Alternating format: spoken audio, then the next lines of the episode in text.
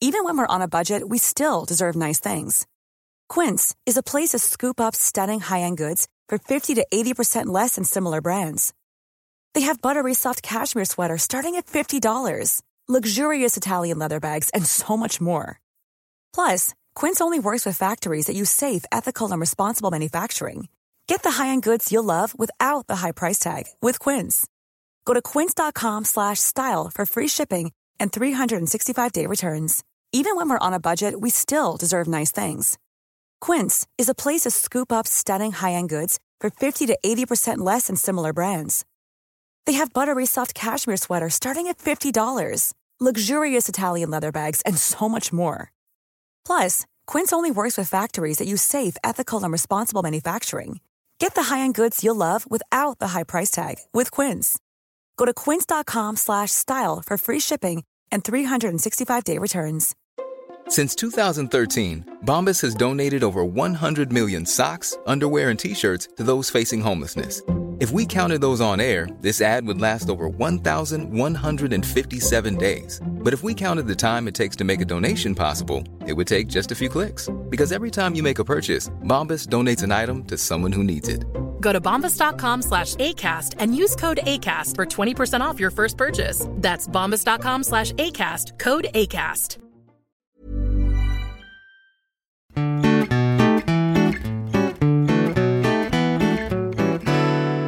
Hej och välkommen till Mord i mina tankar. En true crime podcast som görs av mig, sjuklingen Amanda Nilsson och Jessica Thyselius. Frisk Pigg som en örtlärka. ja, visst. Eh, Eller nej. Kärnnöt. kärnlärka.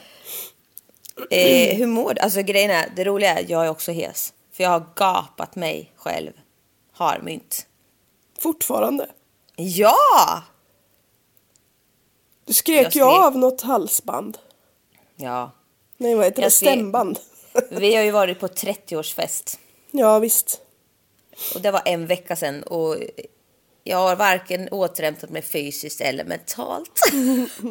Och du ska på en till imorgon. Ja. Som jag också var bjuden på. Men här sitter man Mm. med förkylningen från helvetet. Helvete Ja. vad sjuk jag varit. Ja, Ditt ansikte har ju försvunnit helt. Ursäkta, vad menar du? Du har ju, du har ju liksom fått en nästan som en stroke. Ja, just det. Ja, det var, jag var så rädd. Jag var tvungen att googla på mina symptom. Det, först, det absolut första som dök upp var faktiskt bihåleinflammation. Det andra var stroke. Jag gick på bihåleinflammation. Ja, men det var bra.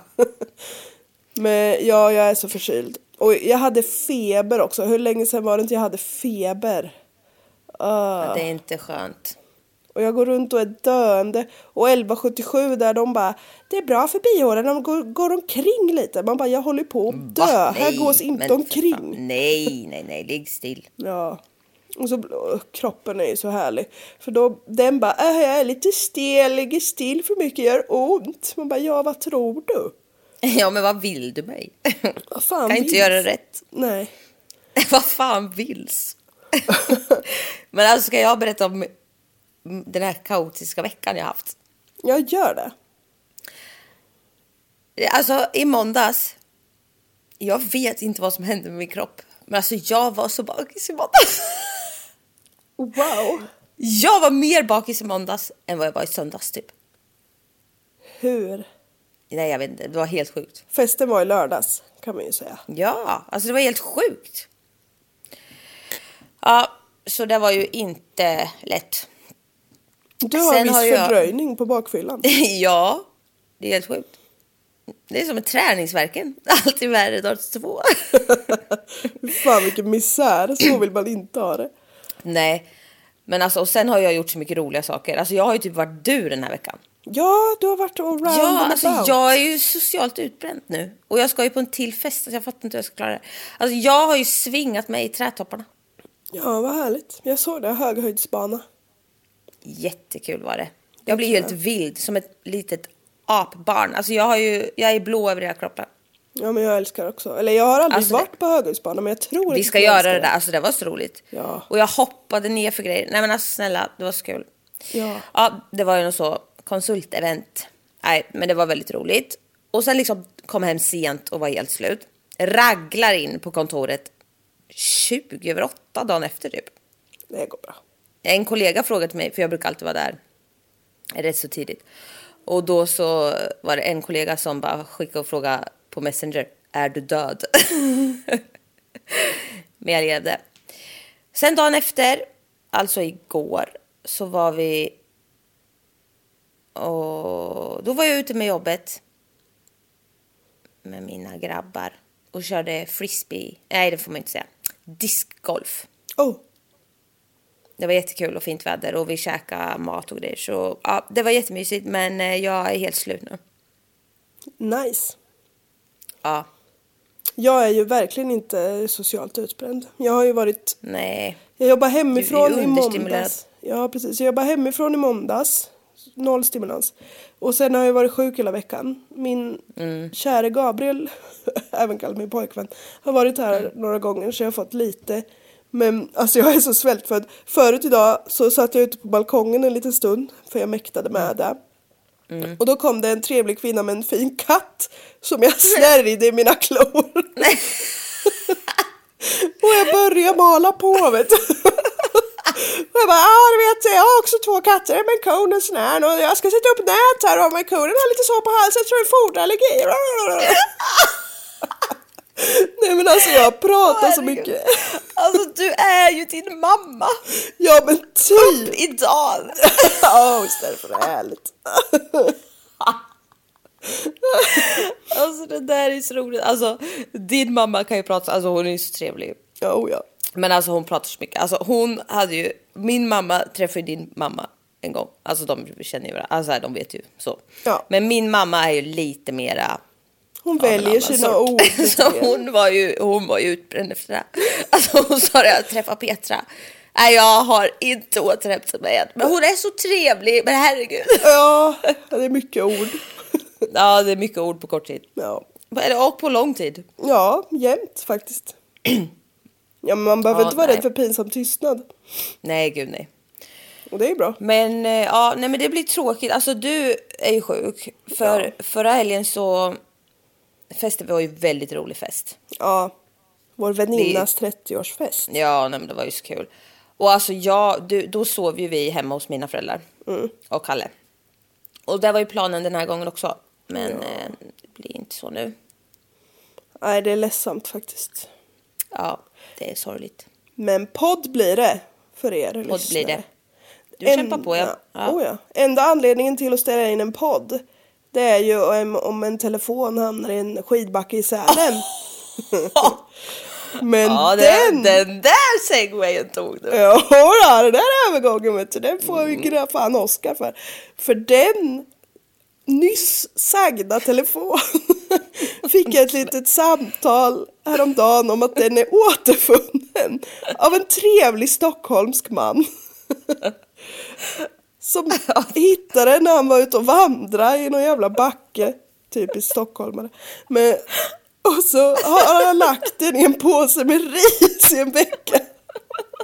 Och nu är den live and kicking.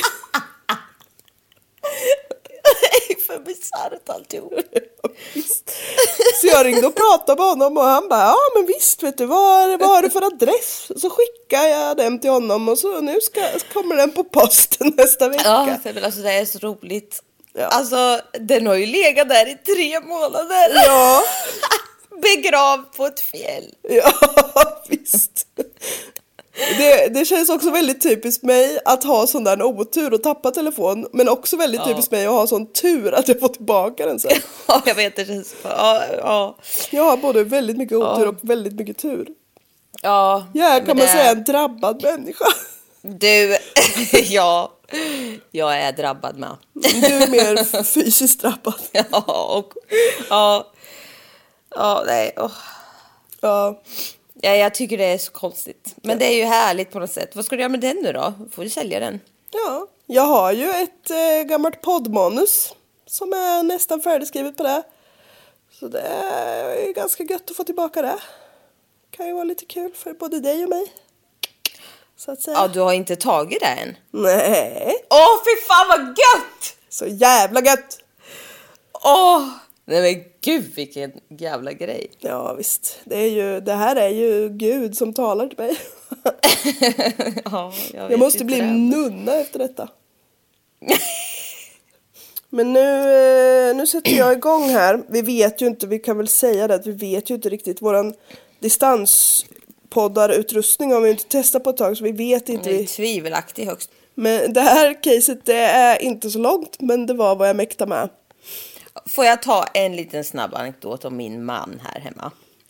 Som om du inte redan har tagit 12. Men absolut, gör det. Ja, alltså på tal om fysiska grejer. Han snyter ut mat ur näsan. Som ett partytrick. Alltså han sa det när vi satt och han bara ah, jag ska snyta ut lite ärtor. Jag bara vad är det du säger? Han bara ah, jag har ärtor här, jag känner dem. Jag, trodde han skämtade. Jag tänkte det här är inte ett bra skämt. Och sen bara går han och snyter. Och så bara visar han i pappret och tror fan det är ett helt gäng med gröna ärtor. Och då hade ni inte ens ätit gröna ärtor. på tre dagar. alltså det är ju inte så det ska gå till. Men varför inhalerar han maten något så jävligt? Nej alltså det råkar bara komma uppåt när den ska sväljas neråt.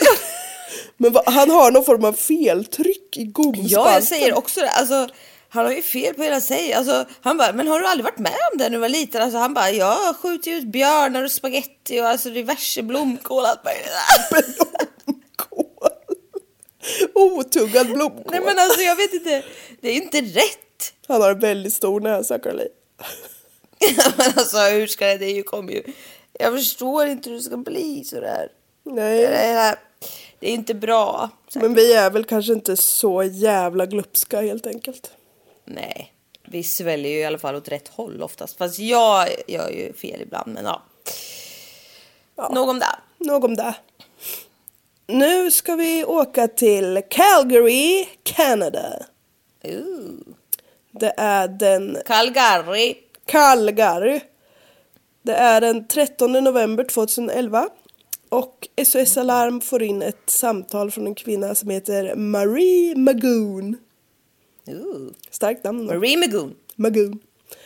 Eh, hon är skärrad och säger att hennes styvdotter har ramlat ner för trappan och nu ligger livlös på golvet. När, alarm, när larmoperatören frågar om flickan andas så svarar Marie att hon inte vet men att hon inte tror det. För pappan är hos barnet liksom så. Det är inte så att hon sprang iväg och ringde utan hon var vid barnet.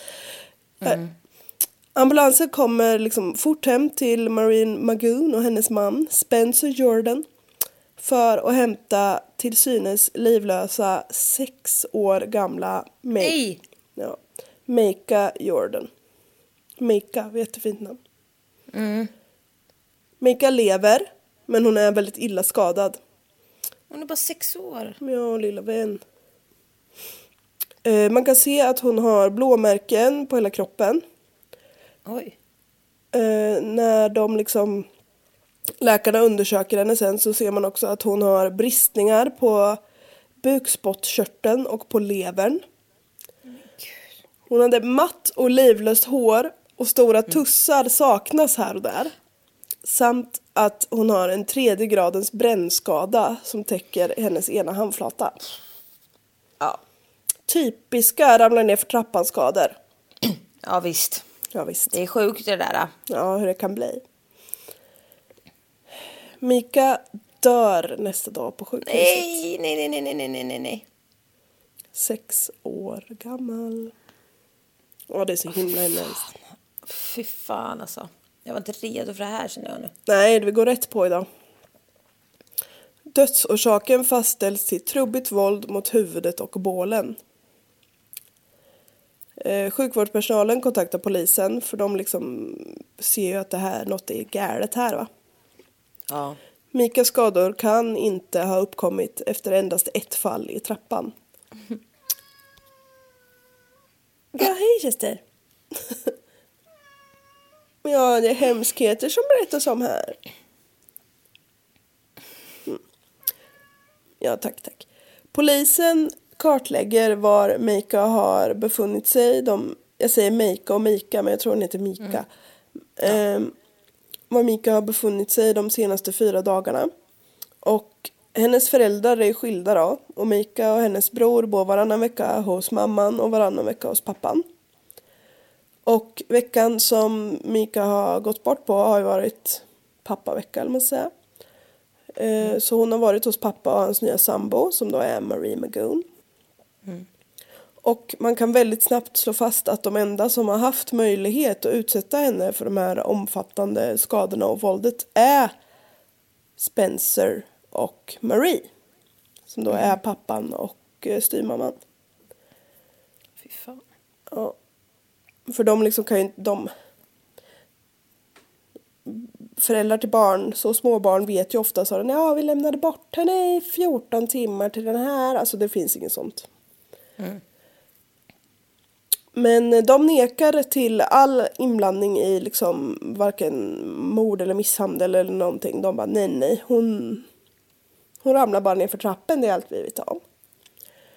Men alltså, det, alltså då blir jag så här, är du, du dum i hela ditt jävla huvud eller? Jo visst. Åh. De förklarar som sagt eh, de här blåmärkena eh, och våld mot huvudet och bålen då. Hon har ju för fan en sprucken lever ungstackaren. Nej men alltså nej nej nej nej nej usch. Ja, det är så hemskt. Men det förklarar de som sagt med att hon har ramlat ner för trappan. Eh, Eller att hon har lekt med sin två år yngre bror. En Ja, alltså, fyraåring. jag har ramlat ner för en så trappa med vilda djur i och eld. Ja, exakt. Jag bara, vad, vad har du? Vad spännande, berätta mer. Men Nej men alltså, jag tror inte det. nej, jag menar det. Det är lite för... Det är lite för. Och även om hon nu har ramlat ner för trappan och slagits med sin bror så förklarar ju inte det här brännmärket i handen. Nej, och det förklarar ju ingenting av det där. Nej, egentligen inte.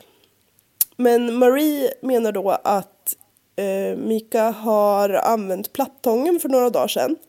Och att hon kontaktade sjukvårdsupplysningen om det och de sa att det inte var någon fara.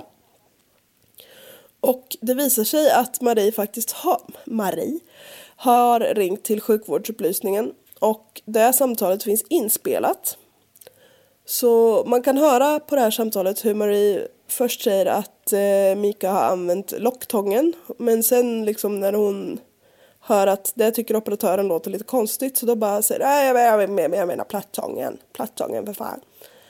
Och operatören tycker fortfarande att det låter lite konstigt att en sexåring får hålla på själv med liksom en plattång eller en locktång men olyckor kan ju såklart ske. Marie beskriver då hur Mikas sår är liksom som en jättestor bubbla på hela handflatan. Och undrar om hon liksom ska sticka hål på den eller låta den vara. Och operatören frågar sig, ja men vad är det för färg på huden och sådär. Och Marie svarar att den är precis knallvit. Och eh, operatören frågar hur, eh, om Mika har mycket ont i handen. Och Marie svarar att Mika verkar knappt känna någonting. Att hon inte liksom är alls berörd av det där. Och att just det här att huden är vit och att det inte gör ont får operatören att reagera för det låter då säger operatören att det låter som hon har en tredje gradens brännskada och det är ganska allvarligt. Fy fan alltså. Och liksom Marie var nej, nej det tror jag verkligen inte, det är så farligt är det inte. Lalala.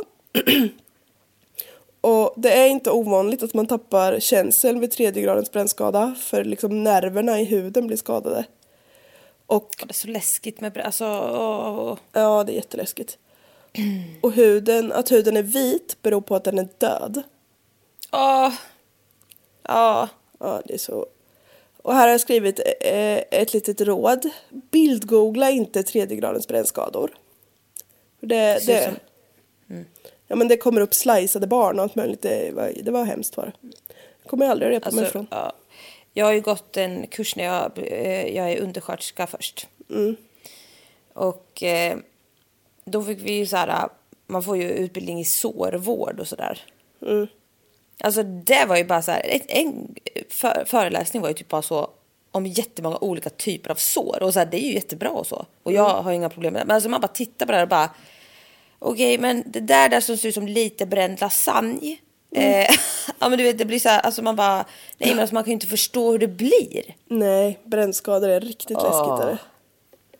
Och det kan Ja. bli på så olika. Det kan både bli så här. Ja men om man, för det ser ju inte likadant ut om man har tappat kokt vatten på huden eller Nej. om man har fått eld. Alltså det ser Nej. så läskigt ut. Ja, ja. Ja det är läskigt. Polisen då. Men jag tänkte, ja, ja, ja. Mm. När jag tänkte på det när du sa dö, att huden är död, då tänkte jag på så här, alltså typ gamla människor. Deras, Ja. hud, eller deras kroppar är ruttna i förruttnelse innan de dör. Ser du är ner inte- på äldre människor? Nej, men alltså det är det som sker. ja. Bensår och sånt där, är det. ja. det luktar inte gott. Nu ska ni alla gå hem och se på eran farmor och farfar på helt Nej. annorlunda sätt. Vad blev det här? Gå vidare. Jag Det här försökte. är jättekonstigt. Ja, förlåt. Polisen har inga bevis för att Spencer och Marie skulle ha gjort Milla Mika illa. Eh, Mikas lillebror är bara fyra år. Så hans vittnesmål kan man, alltså man kan ju typ inte förhöra honom. Nej. Han är ju petit. Och hans vittnesmål, eller ja, det vet jag inget om i och för sig om han är petit. Han är liten till åldern. Och man kan ju inte lägga bara hans vittnesmål till liksom, grund för en dom så man pratar Nej. inte så mycket med honom. Och eh, inte heller eh, Mikas mamma som heter Kyla Woodhouse. Eller, och hon är gift med en man som heter Brian Woodhouse. Eh, de har heller ingen aning om vad det är som har hänt. Men de, precis som polisen, känner ju på sig att det är någonting lurt med Spencer och Marie. Fy fan. Och de kan liksom även, eller det visar sig att Kyla och Brian, alltså mamman och hennes nya man, har Mm. tidigare anmält Spencer och Marie till liksom SOS för att de tycker att Mika har haft lite konstiga skador efter hon har varit hos dem. alltså, vet du vad? Det här kan man ju prata så mycket om. Men alltså, föräldrars rätt till sina barn går jävligt ofta alldeles, alldeles för långt. Ja, och det är ett ganska aktuellt ämne nu. Det är ju fan, Väldigt. ja. Nej jag vet, jag tycker det är jättemärkligt. Barns säkerhet ska aldrig sättas åt sidan för att en farsa ska få vara med sitt barn. Nej. Det har han kanske förbrukat sin rätt och då är det så. Ja. Jag känner mig lite hindrad att uttala mig men absolut. Ja, men jag får säga vad jag vill. Du får säga precis vad du vill. Mm. Ehm, ja, de har i alla fall anmält då till SOS men det hände inget med det och inga bevis och jada jada jada. Och eh, ungefär en vecka efter att eh, Mika har dött så hålls hennes begravning. På den här ceremonin så spelar de eh, Mikas favoritlåt som var Somewhere over the rainbow. Ja. Ja, och det, var, det blir så bisarrt är den låten med på något sätt. Men hon gillade den Ja. väldigt mycket. Och eh, hennes lilla, lilla vita kista var täckt med blommor. Åh. Mika har då varit en, hennes mamma har beskrivit henne som en glad och sprudlande liten tjej som älskade att sjunga och dansa. Hitta på nya saker och hon var ganska orädd. Hon eh, testade att åka skateboard och gav inte upp bara för att hon liksom ramlade och slog sig utan hon körde på. Hon var lite som du var när du var barn kan jag tänka mig. Ja. Och är Och fortfarande. vuxen. Ja. Hennes eh, favoritdjur var nyckelpigor som hon brukade fånga och ha i en liten burk. Men hon hade dem inte fångna för länge för hon ville inte ta dem ifrån deras mammor. Nej. Så jävla precious barn. Ja, det var väldigt precious. När den här ceremonin var slut så var Kyla och Brian, det var alltså mamman och styvpappan, de första att lämna kyrkan. De klarade liksom inte av, de ville bara bort.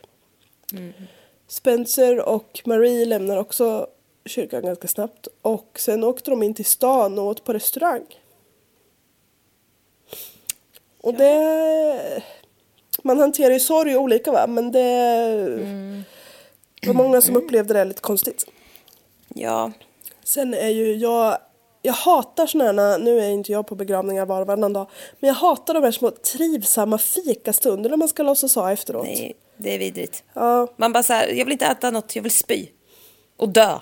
Låt mig vara. ja eller jag vill liksom, Nej. låt oss, Men jag tror man ska vända det på något. Nej, jag vet inte varför man har det. Kan, jag vill, kan man inte bara få gå hem? ja, eller de som tröstas av att ha någon liten sammankomst efteråt kan väl få ha det, men Men det är väl konstigt. jag är inte lite det. Ska Nej, vi jag ha lite fika fast vi precis har gråtit och haft det jättejobbigt?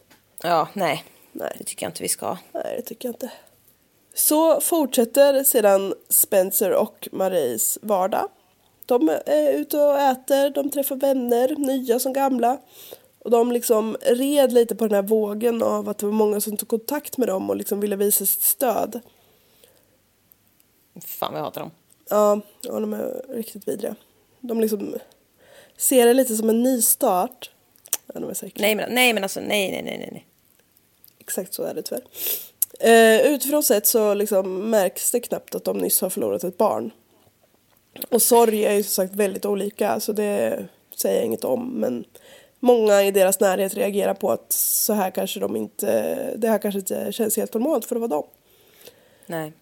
Spencer passar på att ta upp ett gammalt nöje vilket var lite så ringa bedrägeri. det tyckte han var lite skoj. Och jag fattade inte riktigt. Men det gick ut på att han typ köpte saker för ett falskt presentkort. Och sen lämnade han tillbaka de här sakerna. Och fick tillbaka ett giltigt presentkort typ. Alltså så här. Nej men fy fan vad fail. Ja. Det var något Det sånt. kändes dåligt.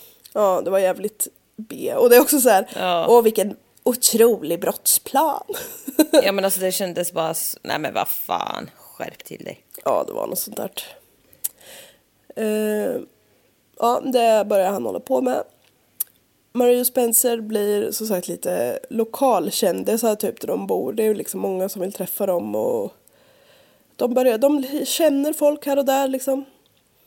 Och eh, de börjar eh, If you're looking for plump lips that last, you need to know about Juvederm lip fillers. With Juvederm Volbella XC and Juvederm Ultra XC, your lip look, whether it's subtle or bold, can last up to one full year with optimal treatment and no additional maintenance. Find a licensed specialist and see if it's right for you at juvederm.com today. That's J U V E D E R M.com. Add fullness to lips in adults over 21 with Juvederm Volbella XC or Juvederm Ultra XC. Do not use if you have severe allergies or a history of severe allergic reactions, or if you're allergic to lidocaine or the proteins used in Juvederm. Tell your doctor if you have a history of scarring or taking medicines that decrease the body's immune response or that can prolong bleeding. Common side effects include injection site redness, swelling, pain, tenderness, firmness, lumps, bumps, bruising, discoloration, or itching. As with all fillers, there's a rare risk of unintentional injection into a blood vessel, which can cause vision abnormalities, blindness, stroke, temporary scabs, or scarring. For full important safety information, visit juvederm.com. Even when we're on a budget, we still deserve nice things. Quince is a place to scoop up stunning high-end goods for 50 to 80% less than similar brands. They have buttery soft cashmere sweaters starting at $50, luxurious Italian leather bags, and so much more. Plus, Quince only works with factories that use safe, ethical, and responsible manufacturing. Get the high-end goods you'll love without the high price tag with Quince. Go to quince.com slash style for free shipping and 365-day returns. florera inom lite udda yrkeskategorier kan man säga. Spencer börjar berätta för några av sina nya bekanta om de här presentkortsbedrägerierna. För att han tycker att de är lite roliga eller något, jag vet inte. Ja men grabbar ni ska veta, jag har ganska lukrativ business på gång. Men gud, alltså det är så töntigt på något Ja. sätt så jag håller på att dö. Jättelarvigt. Men eh, det verkar gå hem hos de här eh, kamraterna. Och eh, de undrar om Spencer skulle vara intresserad av att börja göra affärer, göra affärer med dem kanske. Och... Va? Ja. Och även Marie blandas in i det här och de liksom lägger upp något form av litet nätverk eller vad man ska säga. Och de tycker liksom att det låter väldigt bra. Och de får träffa lite olika personer i det här nätverket. De blir bjudna på middagar, de får vara med i lite små grejer och tjäna lite pengar. Alltså, livet rullar på ganska bra va? Och de glömmer som sagt typ bort att de har förlorat ett barn och går all in på den här nya business opportunityn. Eh, Efter några månader med det här lilla nätverket så känner de att eh, de kan lita på Marie och Spencer. Så de frågar dem om de liksom vill bli medlemmar på riktigt och liksom tjäna stora pengar. Och det vill ju såklart Spencer och Marie. Så då bokas det in ett möte med liksom the, the top dog här. Alltså vad är det här? Ja. Och han kallas för eh, Mr Big. Nej men. Mr Gör inte Big. det. Nej jag vet, det är så otroligt larvigt. Mr Big vill snacka med Marie och Spencer var för sig och han vill liksom, ja men get to know them och så vill han se liksom att, ja, går det att lita på de här personerna? Samtidigt då, i en annan del av stan så står polisen och stampar. De hittar verkligen inga nya spår, det finns inget att gå på, ingen som säger någonting. Och, alltså, de enda som vet är ju Marie och Spencer. Och det går nästan ett år. Nej. Jo. Men den 12 oktober 2012, så det är nästan ett helt år, ja. kan man gripa Spencer och Marie. Sin vana trogen så nekar de till allting. De blir dock eh, lite spaka när polisen säger att vi har eh, inspelat på film när ni erkänner hur ni har eh, torterat och mördat Mika. Mm. Da, da, da. Det ska alltså visa sig att Marie och Spencer har blivit föremål jag för en. Mr Big-operation. Jag älskar det här! Ja, det är så jävla härligt. Fy fan! En sån går i korta drag ut på att undercover-poliser blir kompisar med de misstänkta och liksom l- nästlar sig in och får dem att erkänna brott som de är misstänkta för. Ja, det är så jävla härligt. Men det är olagligt i Sverige väl? Ja, det är det. Eller alltså. I Sverige har vi något som heter fri bevisprövning så man får ta upp alla bevis men jag tror att det skulle få ett väldigt lågt bevisvärde för man får ju inte syssla med brottsprovokation och grejer. Nej. Nej, precis. Ja, nej, men ja, sån här, ja, jag gillar ju det här alltså. Man gör ju det. Det är ju någon form av filmisk spänning. Ja, men det är ju det. Kära De är katt! så- Det är som sagt en sån här Mr Big operation som Marie och Spencer har blivit utsatta för. Mötet med den här bossen då som skulle vara, som heter Mr Big. Det är ju Fantasifullt av dem att inte döpa honom till något annat. Ja, men hettan där på riktigt är ju för hemskt. ja, det är fan för hemskt. Men det var alltså ett led i polisernas operation här då. Mr Big frågar om han kan liksom få en hållhake på dem för att han ska kunna liksom lita på dem i det här brotts, påhittade brottsnätverket. Och eh, så, ah, till exempel kan ni ju berätta vad det var som hände er dotter. alltså det är också så himla att de inte ser igenom det känns också. Nej, jag vet, det är för dumt. Men det är också så här, de här poliserna har ju bearbetat de här i flera månader. Så det är ju liksom Ja. inte så att det går Nej. från Hej, vill du vara med i en grej? Hur, mördar du din dotter nu igen? Alltså, Nej, precis. Så det är ju ett, ett episkt, filmiskt arbete de gör. Det är ju det. Alltså jag känner ju igen det här. Ja, Men, jag vet, ja men du kommer ju vidare. Men alltså jag känner bara, vad gör lilla stackars andra barnet? ja, ja. Håll, håll i och håll ut. Ja, Som rådet ofta är till små barn och deras mammor. jag får in den kängan ganska många gånger. Men ja. nu har jag tappat bort mig fullständigt. Eh, Ta, ta, ta. Bla, bla, bla. Och jag glömde säga att de här eh, i sådana här Mr Big-operationer så är det väldigt vanligt att undercover-poliserna utger sig från att vara från kriminella nätverk och att de liksom behöver få lite dirt på sina nya kumpaner för att kunna lita på dem. Och liksom, ja.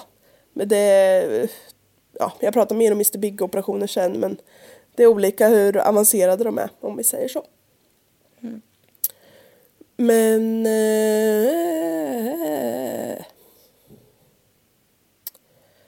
de pratar i alla fall med Mr Big var för sig och vips så har polisen två inspelade erkännanden. Det är perfekt. För på de här mötena så sitter ju en dold kamera som eh, spelar in allting. Spencer som fick prata först med den här Mr Big han var lite mer misstänksam så han ringde till Marie efteråt och sa liksom att det kändes lite som ett polisförhör så här, det var lite konstigt ändå. Men Marie bara nej då, de bara liksom eh, bryr sig om oss och vill att utreda oss som business partners. Och hon var liksom helt såld på det här. Så eh, hon har ju svalt alltihop som sagt. Spencer, alltså de här, inte hela filmerna, men liksom sekvenser ifrån de här filmerna finns på Youtube. Så det har jag sett. Men det var bara typ fyra minuter långa klipp tror jag, de var ganska korta. Men Spencer berättar i alla fall i de här klippen för Mr Big att han ofta slog till barnen liksom med öppen handflata i huvudet. Alltså en sån typ liten lavett-aktig. Eh, och det gjorde han eftersom de ljög väldigt ofta, vilket de hade lärt sig från sin mamma. Eh, mm. Ja. Men också det är ju en 100% naturlig fas för barn. Ja, dessutom. Och barn är ju också imbeciller och det är ju där de ska vara. Ja visst, de har inte lärt sig något annat än. Nej, Han är också Åh. imbecill som tror att han kan slå vettig barn. Så gör man jävla inte. idiot. Men det här ljugandet fick honom galen så var jag tvungen att tillrättavisa dem.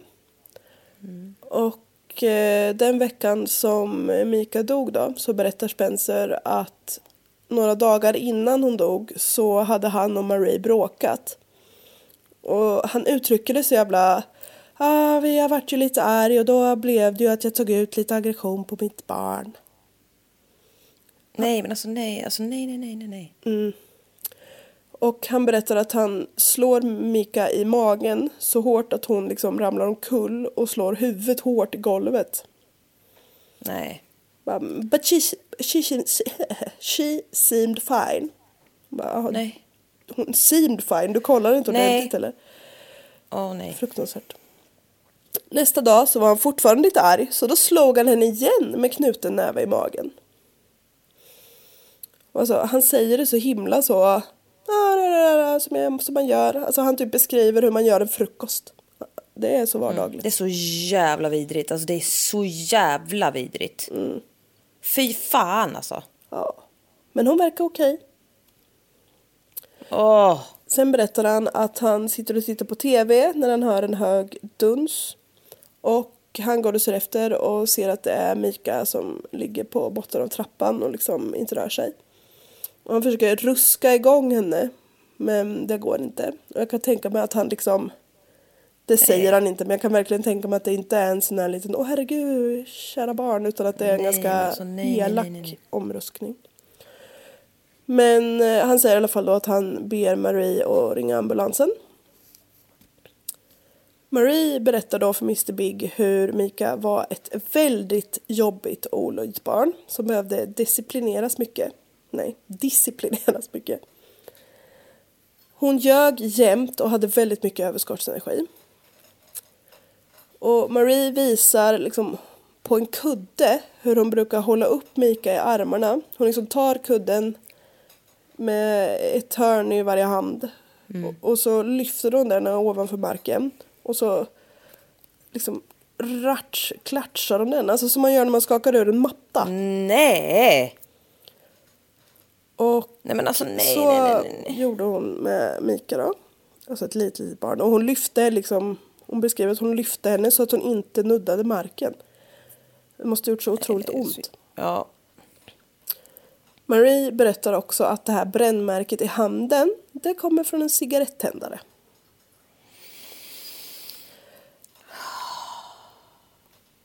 Alltså jag får rysningar av det, det är så hemskt. Alltså jag vill slå ihjäl. Alltså jag vill... Åh! Hon hade satt Mika i knät och tvingat hennes hand över tändaren. Nej men för fan, det är så jävla ondskefullt på ett sätt. Alltså jag vill slåss. Ja, det är riktigt. Och det kan man ju liksom inte... Nej, alltså åh. Ah, man man kan inte förklara något sånt här våld mot ett barn men att sätta henne i knät och ta hand, det kan ju inte säga ja men hon ljög förut så nu, alltså det är ju bara för att Nej. vara riktigt tortyrvidrig. Ja. Det går ju inte att förklara det här på något annat sätt. Nej, nej, nej, nej. Inget av det här. Nej, det gör det ju inte men de försöker ju förklara det med att ah, men hon fick Mm. en smäll när hon sa något dumt men Det tyder på vilka jävla sjuka, jävla sinnesrubbade jävla pissäckel det här är. korrekt. Ja. Oh. Och de här filmsnuttarna som finns på Youtube är som sagt inte så långa. Och jag vet inte om de här detaljerna jag ska dra nu kommer ifrån samtal med Mr Big eller vid något annat tillfälle i utredningen. Men Mika ska även ha blivit bunden kring handlederna kan man se.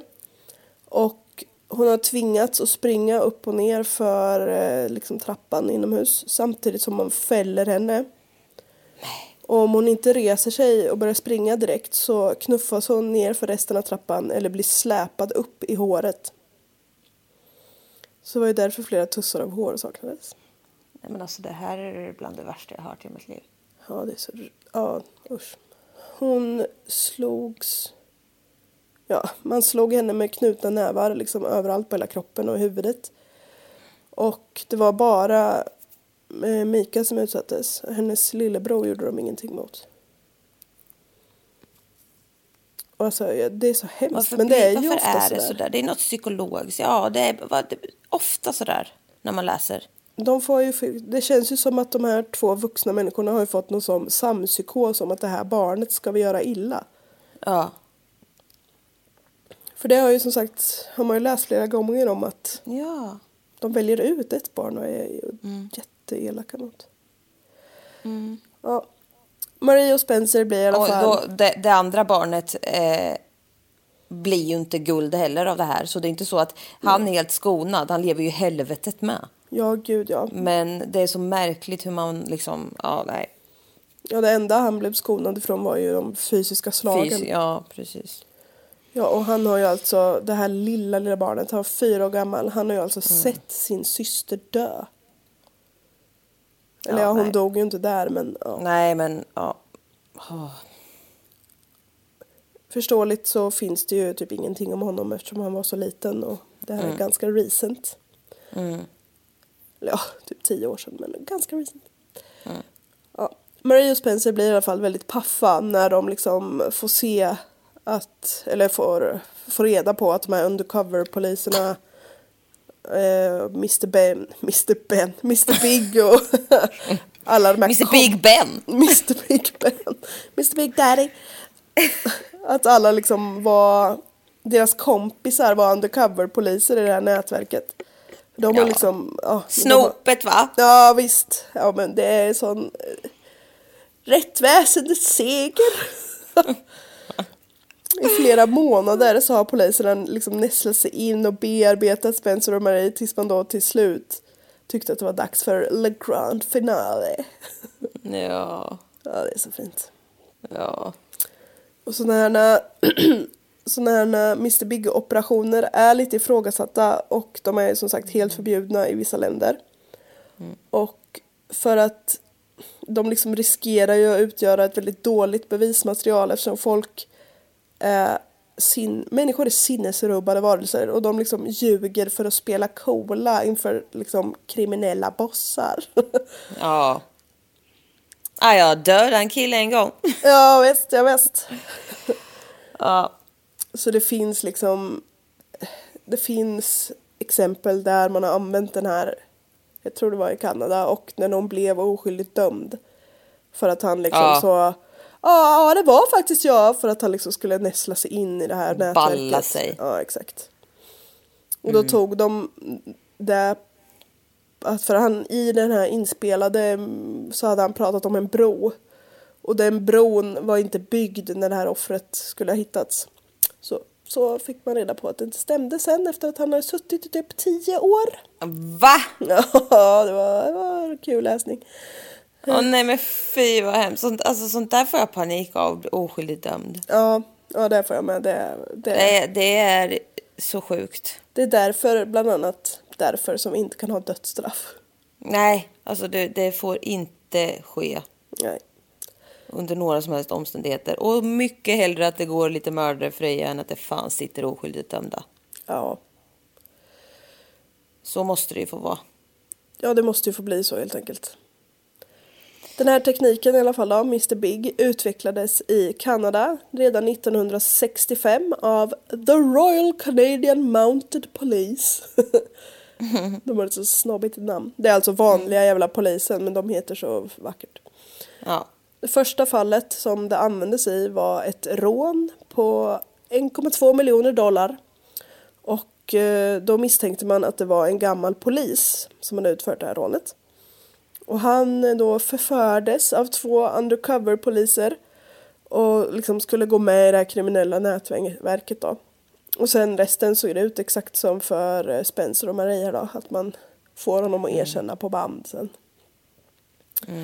Och i Kanada har man använt Mr Big i 350 fall. Den här siffran är dock från 2008. Ja. Så det kan ha hänt lite mer. ja, den här då var ju inte inräknad då. Nej, precis. Wikipedia-sidan var inte mer uppdaterad än så och jag pallade inte att söka vidare. Nej. Och eh, i de fallen då så var det 70, i 75 procent av fallen så kunde man antingen liksom helt utesluta den misstänkte eller väcka åtal. Så det är ju Ja, bra. det är ganska högt ja. Ja. Sen är frågan, ja, jo. Och i 95 procent av de fallen där man valde att väcka åtal så dömdes den misstänkte för brottet också. Mm. Så när man liksom väl bestämmer sig för att go through Ta till biggan. då brukar det funka ganska bra ändå. Mm. Mr Big är dock förbjudet i både USA och Storbritannien och det händer titt som tätt att man ogiltigförklarar erkännanden från Mr Big-operationer även i länder där det är tillåtet. För att det är liksom, ja. Det är lite Ja. svajigt. Man älskar ju när det lyckas men det är som sagt lite svajigt. Mm. Spencer och Marie fortsätter att neka trots de här filmade erkännandena. Ah, nej, nej, nej, vadå? De blir i vart fall, nej, det blir i vart fall rättegång och åklagaren menar att Marie och Spencer ska dömas för first degree murder. I Kanada kan man bara dömas för first degree om mordet är antingen planerat och överlagt, om det är på en polis eller någon annan inom rättsväsendet eller om mordet har utförts i samband med ett annat allvarligt brott. Annars kan det inte bli first degree. Och i den här första rättegången så bedömer man att mordet, liksom, det var inte överlagt och man menar heller inte att det var i samband med ett allvarligt brott, annat allvarligt brott. Nähä. Nej. Så Spencer och Marie dömdes för second degree murder. Men de fick livstids fängelse med möjlighet till villkorlig frigivning efter 17 år. Så det var ju ändå en ganska, en ganska rejält straff ändå. Eh, Spencer och Ja, Marie, alltså det här är vidriga människor alltså. riktigt vidriga. Och ett så litet barn. Och hon är så liten. Spencer och Marie var dock inte nöjda med den här domen. Och det var inte åklagaren heller. Så alla tre överklagar. Till typ Alberta någonting. Domstolen, Alberta! Domstolen heter någonting, någonting Alberta. Ja. I den domstolen så tyckte man att jo, men, eh, tortyr på små barn det kan ändå få räknas som ett allvarligt brott. Så då döms de till first degree murder. Och då får de livstids fängelse med möjlighet till villkorlig frigivning efter 25 år istället. Mm, det satt gött det. Det satt jävligt gött. Jag älskar också när det är så att de överklagar för att Ja. de tror att de ska frias och så bara nej, Men alltså lite de hårdare. här, de här människorna är så, alltså de är ju så tröga i sin lilla ärthjärna. Ja, alltså De jag är är... dumma som spån. Jag tror inte, de fattar inte att det här var deras fel. De tänker Alltså, säkert att det var de en olycka. Eller liksom, Nej men alltså ja, de är ju så dumma i huvudet. ja. Spencer och Marie överklagade här till Supreme Court of Canada. Men eh, den 27 november 2017 så tittar domarna lite snabbt på det här i cirka 10 minuter. Sen kom de fram till att jodå, det här, det här är bra. Det får stå för. Ja. Så nu sitter de där de sitter i finkan det som sig bör. Herregud vilket äckligt. Ja. Och jag Fan. har liksom inget mer om för eh, mamman till Mika och liksom, de har inte varit i the public sen. De vill liksom inte. Nej, Och jag har inte heller eh, snokat för jag tycker att det kan man respektera där, de kan få vara där. Ja. Alltså för fan, men alltså förstå och misstänka saker och så är man tvingad att lämna ifrån sig sitt barn. Alltså jag skulle ju så fly med mitt barn. Nej men alltså det skulle, alltså du vet, nej, alltså jag vet inte vad jag skulle göra. Men det måste vara hemskt, man kan inte göra rätt. Alltså det går ju inte, det blir ju fel. Och man Ja. måste ju vara ständigt livrädd. Ja, verkligen. Barnet blir ju som ett maktmedel för den andra liksom vuxna. Ja, fy fan, det är så hemskt. Ja, det är riktigt vidrigt. Mina källor är Mord mot mord avsnitt 125. Crime Beat, det är en podd också, episod 1. Artiklar från Global News Canada, Wikipedia, Youtube och Kanadas Criminal Code. Jag har alltså läst Wow. kanadensisk lag. Ja, det är klart du har. Klart jag har. Jag var ju tvungen att snoka lite. Ja. Nu, alltså vet du vad? Jag har suttit och krampaktigt stirrat på din jättemärkliga stillbild i så en timme nu. Men nu är jag tillbaks! Ja, i rörlig bild. Ja, det är visst. vackert. Via Skype pratar vi ju samtidigt som jag. Ja, det är säkert lite fördröjning och konstigt ljud, men det får ni ta för du är sjuk och vi gör vårt bästa. Det gör vi. Nu är det juni, gott folk. Vad är det om? Ja, det är sjukt. Ja. Så lättvindigt släppte vi det här caset, sorry. Nej men gud. Wow. Ja, nej men vi behöver ju inte gå ner oss mer än så här känner jag, för det här var riktigt hemskt. Och jag vet inte, jag kan, alltså jag blir ju så, när det kommer till känslor så tar ju min ilska ofta över. Mm. För det känns typ lättare att hantera på något sätt tror jag. För det här är, jag vet inte vad jag ska göra, jag vill ju bara slåss. Ja, jag vet. Det, det är så Alltså, men jag blir ju, man blir ju så ledsen och känner så mycket med det här då, lilla barnet så att man kan inte, det finns ju inte, jag vet inte vad som händer, när jag, jag kan inte tänka på det typ riktigt. Nej, små barn och djur, det är liksom samma. Man bara... Ni kan inte Nej, sjunka ja. så här lågt. Ni nej, får bara nej, inte. det går inte. Nej. Åh, Men en fin Mr Big-operation, det slår ju aldrig. Det sitter ju alltid fint. Ja. Och man blir så, de blir så snuvade bakom roten. Som man ju säger. Ja, nej men du vet. Ja. Det är så satisfying när de börjar inse, när de börjar tappa ansiktet. Ja, Åh, och grejen är Ja. att de här kan ju typ inte ha haft något ansikte från början. För det är så här, vi vet ju att det är ni. Vi måste bara ha bevis, men skärp er. Ah, Nej, Ja, men nej. de är så dumma i huvudet. Men de tror ju så stenhårt. Som sagt, de tror ju på sig själva till och med. Så dumma i huvudet. Åh. Det är ju Mm. inte bättre. Nej, det är ju inte det. Men som sagt, hoppas att ljudet har varit okej. Hoppas att jag är okej när det här släpps, annars har jag Mm. Ja, det hoppas jag verkligen. hoppat i Svartån. Ja, Nej vars, jag hänger nog i ett tag till. ja. Men, Ja, du eh, ser ganska fräsch ut faktiskt. Ja, men nu är det många tabletter i omlopp, så nu är jag fräsch. Ja, ja. Skönt. Nej, Åt du bättre bowlen innan vi spelade in? Nej. Nej, men gud. Nej, men den står och väntar på mig och jag känner mig glad för det. Ja, det är du värd. Ja, Ja, tack för det här sagostunden. Det var hemskt. ja jag vet. Vi berättar ju inga roliga stories för varandra, du och jag. Nej, vi gör ju inte det. Men eh, tack för att ni lyssnar. Tack för att vi har fått några nya patrons. We love you. Tack för att eh, vi får vara med. Tack leka. för allt. Gå med, gå med i Facebookgruppen. Ja, just Som det. inte är våran, men där ni kan diskutera. Eh, mord i mina tankar efter snacket på Facebook. Exakt. Eh, följ oss på Instagram, mord i mina tankar. Vi har mord i våra tankar och det går bra. Vi hörs på onsdag. Ha det gött, hej. Hej!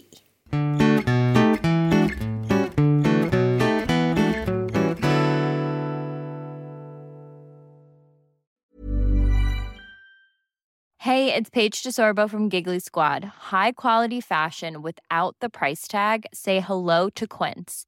I'm snagging high-end essentials like cozy cashmere sweaters, sleek leather jackets, fine jewelry, and so much more. With Quince being 50 to 80% less than similar brands.